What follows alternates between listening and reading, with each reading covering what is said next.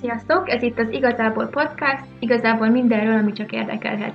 Lesz szó különböző filmekről, sorozatokról, ezekhez kapcsolódó teóriákról, illetve versekről, regényekről és novellákról is. Vágjunk is bele! Sziasztok! Ez itt az Igazából Podcast, igazából mindenről, ami csak érdekelhet. A mai adás nagyon különleges lesz, hiszen ilyen témájú podcastot még egyáltalán nem csináltam, és Magyarországon még nem is hallottam nagyon ebben a műfajban sok híresebb podcastot, bár biztos létezik már. Viszont ez a true crime műfaj engem nagyon-nagyon érdekel, és ezért ma erről lesz szó. Egy pár történetet mutatok be, amik igazából is megtörténtek, és ezek a rémtörténetek szerintem nagyon érdekesek lehetnek számotokra is. Amerikában a True Crime, vagy Mi Crime Junkie a nevű podcast nagyon híres, Németországban már hallottam a Murder Mysteries, talán ez volt a címe, nevű podcastot, ami szintén nagyon híres, és nagyon-nagyon jó, mert itt tényleg ilyen elég creepy, meg nagyon jól adják elő um, magákat, magukat a történeteket, és ott még beszélnek egy a pszichológiájáról és az ölésnek. Um, Szóval tényleg nagyon ajánlom mindkettőt, de hogyha most egy ilyen magyar változatot szeretnétek hallani, akkor légy tartsatok velem. Mielőtt belevágnánk a közepébe, szeretném megemlíteni, hogy megindult az Igazából Podcast Facebook oldala is, ahol nyugodtan tudtok csatlakozni. A podcast készítés eléggé egyoldalú dolog, én nem hallom a ti véleményeiteket, éppen ezért csináltam a Facebook oldalt, hogy ti is tudjátok, ki tudjátok megdani a véleményeteket egy-egy témával kapcsolatban, amiről én beszéltem, tudtok ajánlani könyveket, filmeket, amikről, vagy témákat, amikről beszélhetnék később, tehát, hogyha érdekel titeket és szeretnétek ti is csatlakozni, akkor keresitek fel az Igazából Podcast nevű Facebook oldalt, és kövessetek. Itt a reklámról kezdjünk is bele, szóval a Style magazin egyik cikkét fogom felolvasni. Öt valóban megtörtént horror szorít mutat be. Nem tudom, hogy mennyire hitelesek, vagy mennyire érdekesek, de kezdjünk is bele, még én sem hallottam egyiket se, szóval nagyon-nagyon kíváncsi vagyok. Lehet, hogy ez, ez a rész most nem lesz annyira hosszú, ugye felolvasom őket, és utána megpróbálom átgondolni, hogy én mit csinálnék a helyükben, mi lehetne, vagy ez hogy történhetett meg ez a történet. Szóval, hogyha ez érdekel, akkor tartsatok velem. Kezdjünk is bele tényleg. Szóval, az első történetnek ez a címe, van valaki az ágyad alatt. A hátborzongató Paranormal Activity film hatására csak akkor teszem ki a lábamat a takaró alól, ha már tényleg nagyon melegem van. Nem kockáztatom meg, hogy elkapjon egy démon, hogy aztán végig hurcoljon az egész lakáson. Bár nekem még sosem volt semmi az ágyam alatt, hála az egynemű tartós résznek, 2003-ban egy vendég három éjszakát töltött el úgy a Capri Motelben, hogy végig fura szagot érzett. Három éjszakán keresztül nyitott ablakokkal aludt, de a szag csak nem akart megszűnni. Mikor már elviselhetetlenné vált, a férfi rosszul lett, ezért fel kellett törölni a padlót. Az ágy alatt egy férfi hullája várta, akin csak zokni volt. Ez nagyon-nagyon uh, durva. Én uh, nem tudom, hogy ez hogy történt, hát biztos kinyomozta a rendőrség, erről már nem ír a cikk, uh, viszont nagyon-nagyon-nagyon meglepődtem ezen. Uh, én nem tudom, hogy mit kezdeni, ilyenkor biztos nagyon sikítani és rohannék ki a szobából. Azt nem értem, hogy ez hogy nem vette észre senki az egész hotelben, már mint nyilván, vagy nem tudom, hogy milyen hotel volt ez, de általában, ha egy vendég távozik, vagy éppen nem távozik, mert ott van a hullája, akkor azért kiszoktak takarítani a szobában, és akkor azért a takarítónő, vagy takarító észrevehette volna, hogy ott egy hulla, de hát én nagyon-nagyon megijednék, és ott többé nem vennék oda-vissza, illetve az is nagyon furcsa, hogy miért csak egy zokni volt ezen a férfin, vagy ezen a hullán. Um, hát remélem, hogy a rendőrség ki tudta nyomozni. Minden esetre nagyon-nagyon érdekes ez a sztori. Kíváncsi lennék több információra. Még történt címe, telefonhívás a túlvilágról. 2012. szeptemberében két vonat összeütközött Chatsworthben, ami 25 ember halálát okozta. A vonaton utazott Charles E. Peck is, aki éppen egy állásinterjúra tartott. Nagy reményeket fűzött az új munkához, mert így össze tudott volna költözni a mennyasszonyával. Az ütközést követő 11 órában Peck telefonja összesen 35 hívást indított különböző személyeknek, a mennyasszonyának, a testvérének, a fiának és a féltestvérének. Amikor a hozzátartozók felvették a telefon, csak sistergés lehetett hallani. Ha visszahívták, akkor rögtön hangpostára kapcsolt. Abban bíztak, hogy Peck így próbál jelezni, hogy még életben van. Amikor a mentőcsapat megtalálta Peck holttestét az egyik vagonban, megállapították, hogy a férfi szörnyet halt az ütközésben. A telefonját azóta sem találták meg. Ez is nagyon-nagyon durva. Biztos van erre is uh, magyarázat, hiszen lehet, hogy telefon valahogy kiesett a zsebéből, vagy valahova elveszett, és ezért megnyomódott egy pár gomb, bár azt nem hiszem, hogy ennyiszer a telefon magától fel tudna hívni ennyi hozzátartozott. Uh, nyilván, hogyha lemerült, akkor a hangpostára kapcsol, vagy hogyha nem elérhető az ember, akkor a hangpostára kapcsol, szóval az nem meglepő. Viszont az, hogy pont ezeket az embereket fölhívta meg ennyiszer, és hát az, az tényleg um, durva, nem tudom, hogy ez hogy történhet, az is lehet, hogy valaki ez uh, átkerült a mobil, bár azt se értem, hogy az meg miért hívogatott uh, random embereket egy másik ember mobiljáról. Uh, tehát ez tényleg egy rejtés eset. Um, nem, nem tudom, hogy mi lehet a megoldása. Ha nektek van ötletetek, akkor írjatok a Facebookon. A következő történet egy valóra vált rémálom. 2014-ben egy görög nő egy koporsóban ébredt fel a föld alatt. A temetőbe látogatók sikoltozást hallottak a sír körül, de senki sem gondolt arra, hogy valaki élve fekszik a föld mélyén. Pár óra múlva viszont kiásták a sírt, és orvost hívtak a nőhöz, akinél megállapították, hogy csupán egy-két órával azelőtt halt meg, hogy felhozták a felszínre.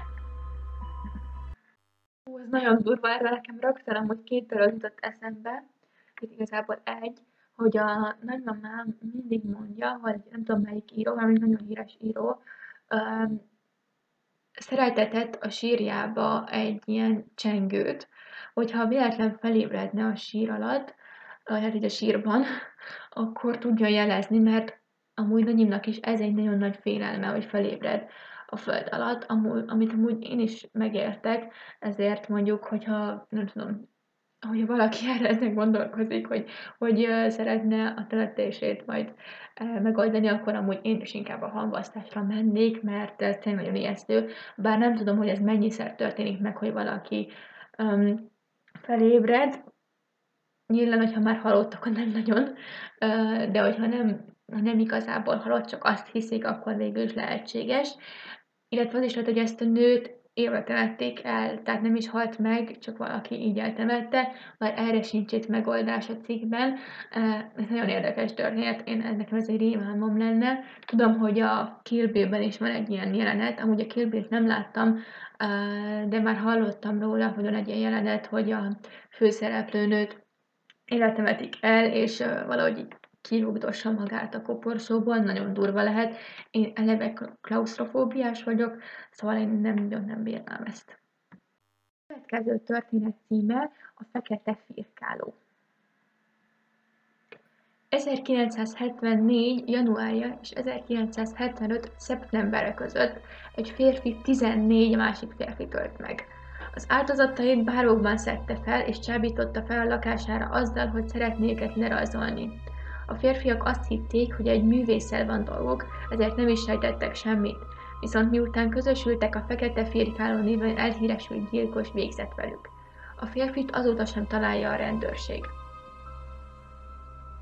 Nagyon-nagyon uh, ijesztő amúgy, de ez kicsit hasonlít az ilyen Ted Bundy gyilkosságokra, meg szerintem sok tömeggyilkos, nem tudom, hogy mennyire sok, remélem nem sok, de csinálja ezt, hogy így elcsábítja a prédáját, az áldozatát, és, és utána öli meg. Szerintem ez nagyon, nagyon durva dolog, de hát minden ölés az igazából szinte.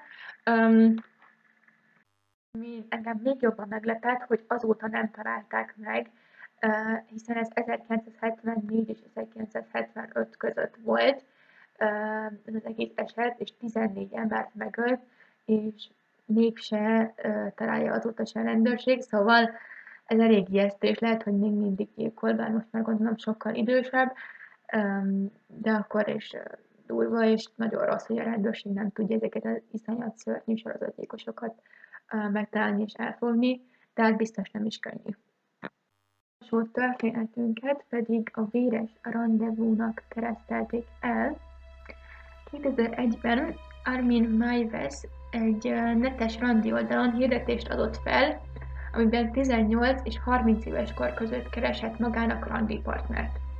Bert Jürgen Armando Brand, nem tudom, hogy hol mondom ki a neveket, szóval bocsánat annak, aki ez megsért. Szóval ő Bert Jürgen Armando Brand jelentkezett, és megbeszéltek egy romantikus estét Armin lakásán. Rövid beszélgetés után Maives levágta Brand péniszét, amire ráadásul engedélyt is kapott. Ezután megsütötte, hogy együtt elfogyasztotta az áldozattal. A rendőrök elmondása szerint ezután felolvasott a kedvenc Star Trek könyvéből, hogy egy csók után elvágta Brand torkát és felakasztotta őt, hogy később is tudjon belőle fogyasztani. A történet fordulópontja, hogy Miles a börtönben vegetáriánus lett. Jó, gondolom, hallottátok a hangomon, hogy mennyire meglepődtem, miközben olvastam, mert így, amikor jött ez a szó, levágta a péniszét, mi van? Nagyon meglepődtem. Egyáltalán nem gondoltam volna, hogy ennyire véres lesz a rendezvú, azt hiszem, hogy is így megtegyél és ennyi, de hogy még kannibál, és ez az ember, ez a Miles, vagy ki, aki később vegetáriánus lett, ez így rátette az íre a pontot, szóval wow, ez eléggé meglepett. Erről is amúgy is sorozat jut eszembe, nem tudom, hogy láttátok-e, a Rake, ami egy um, ausztrál ügyvédről szól, ami egy elég vicces sorozat, és ott is szerintem talán a leges-legelső részben egy kannibál az, akit meg kell védenie, de nagyon vicces a sorozat, és én annyira abszurd dolgok történnek benne, hogy pont ezért vicces. Szóval ott így ez a kannibálságról szól, és abban a részben is um, beleegyezett az áldozat abba, hogy megegyék. És nagyon érdekes, nem akarom nagyon lelőni a poén, de hogy a, ott Ausztráliában nincs is ez igazából ö, tiltva a kannibálság, főleg, hogyha beleegyezéssel ö, valaki azt mondta, hogy oké, okay, egyenek meg, hogy miután meghaltam. Kurva, nem, nem soha nem tudnék meglenni egy embertársamat, bár lehet, hogyha olyan helyzetben lennék, hol nincs más ö, ennivaló, vagy semmi, akkor lehet, hogy ez megtörténhetne, bár akkor sem nagyon, hát nagyon remélem, hogy nem, meg hogy nem is kerülök ilyen helyzetbe, de úgy, hogy magamtól így, úgy, hogy egy teljes normális körülmények között élek, és csak úgy egy ilyen randin megjegyek valakit, azért az kicsit uh, durva, hát az kicsit elmebetegség kell szerintem ehhez. A sztorinak a jó része, a fordulópontja, hogy uh, le is csukták, tehát el is kapták ezt a férfit, illetve, hogy később vegetáriánus lett, tehát lehet, hogy többé nem fog se emberi, se másfajta húst enni. Előre ez volt a kedvenc történetem, ez annyira meglepett, mint ahogy hallottatok, hogy, hogy ez volt a kedvencem.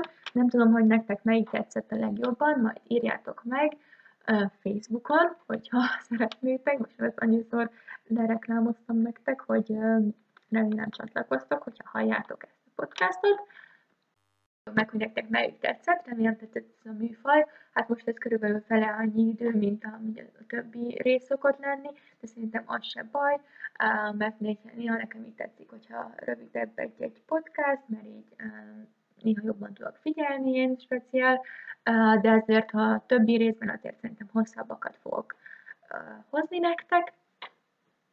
Nagyon köszönöm, hogy itt voltatok velem, remélem tetszettek a történetek, fejtsétek ki a véleményeteket, ahol tudjátok, és uh, hogyha tetszett nektek ez a műfaj, akkor mindenképpen hozok még ilyen true crime dolgokat, mert nekem nagyon-nagyon bejött, és uh, szerintem érdekes ilyeneket olvasgatni, még megpróbálok keresni amerikai oldalakról is ilyeneket, mert ott sokkal többféle van, itt a magyarokon körül csak ez az egyetlen, amit találtam. Szóval um, mindenképpen szerintem lesz még ilyen, mert nekem nagyon tetszett.